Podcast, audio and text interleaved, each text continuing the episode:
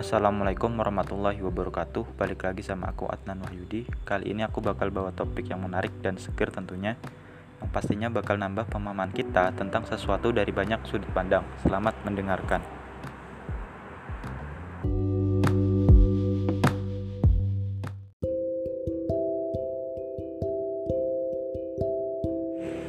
Kali ini aku bakal baca salah satu tulisan di IDN Times yang menulis adalah Angel Rose.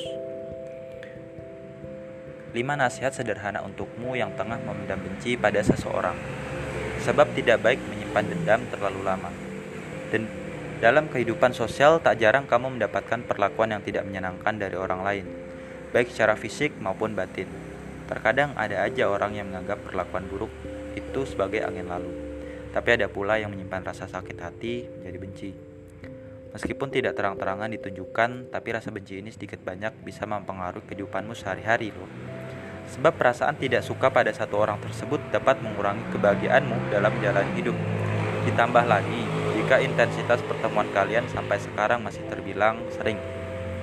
Misalnya dia yang kamu benci tak lain adalah saudara, sahabat, atau teman satu kantor. Nah, buatmu yang saat ini tengah menyimpan rasa benci yang mendalam, mungkin lima nasihat sederhana ini bisa membuat hari hatimu sedikit melunak.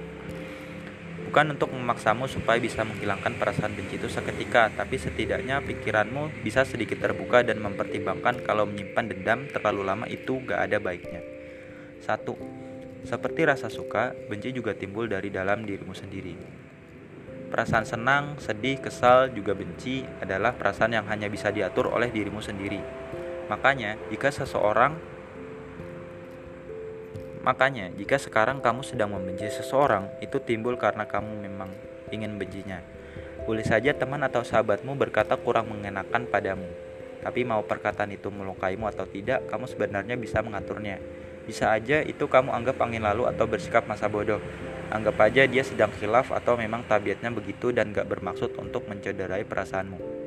Yang kedua, pikirkan ketika ada orang lain yang bencimu sekarang, apa itu menyenangkan? Ketika tahu ada teman dekatmu yang diam-diam menyimpan benci ke kamu, tentunya itu membuat hatimu tidak nyaman kan? Begitu pula sebaliknya, bagi orang yang kamu benci, tentunya di dalam lubuk hatinya tersimpan penyesalan dan rasa bersalah. Bisa jadi apa yang dia lakukan ke kamu tidak bertujuan untuk melukai perasaanmu. Tapi karena nasi sudah menjadi bubur dan hatimu terlanjur terluka, dia hanya bisa mencoba memperbaiki sikap dan berharap mendapatkan maaf darimu.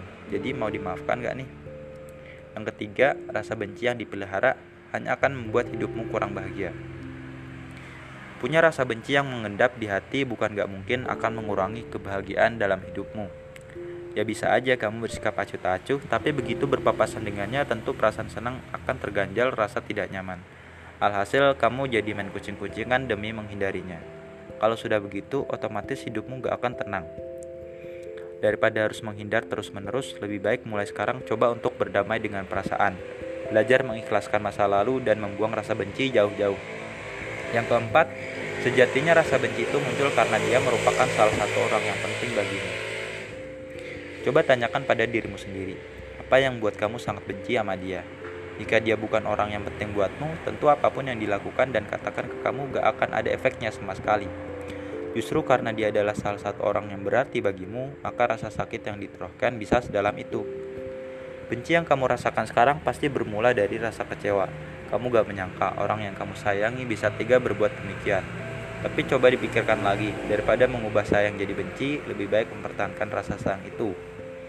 Memang susah untuk maafkan, tapi gak ada salahnya dicoba biar hati kamu kembali tentram.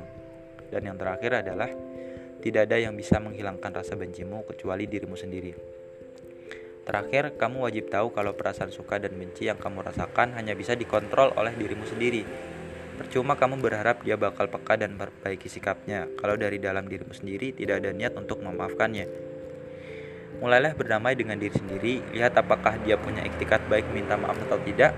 Jika iya, kamu harus bisa berlapang dada dan memaafkannya.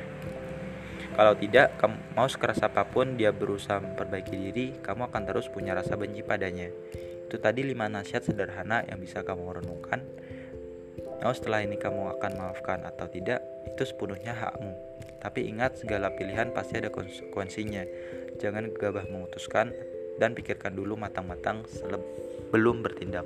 itu tadi lima nasihat supaya kita nggak benci sama seseorang atau memaafkan dulu agar kita punya rasa maaf terhadap orang lain itu tadi tulisan dari Mbak Angel Rose yang cukup bagus semoga bermanfaat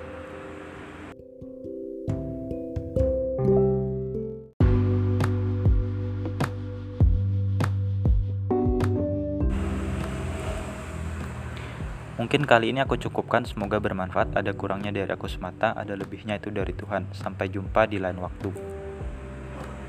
Wassalamualaikum warahmatullahi wabarakatuh.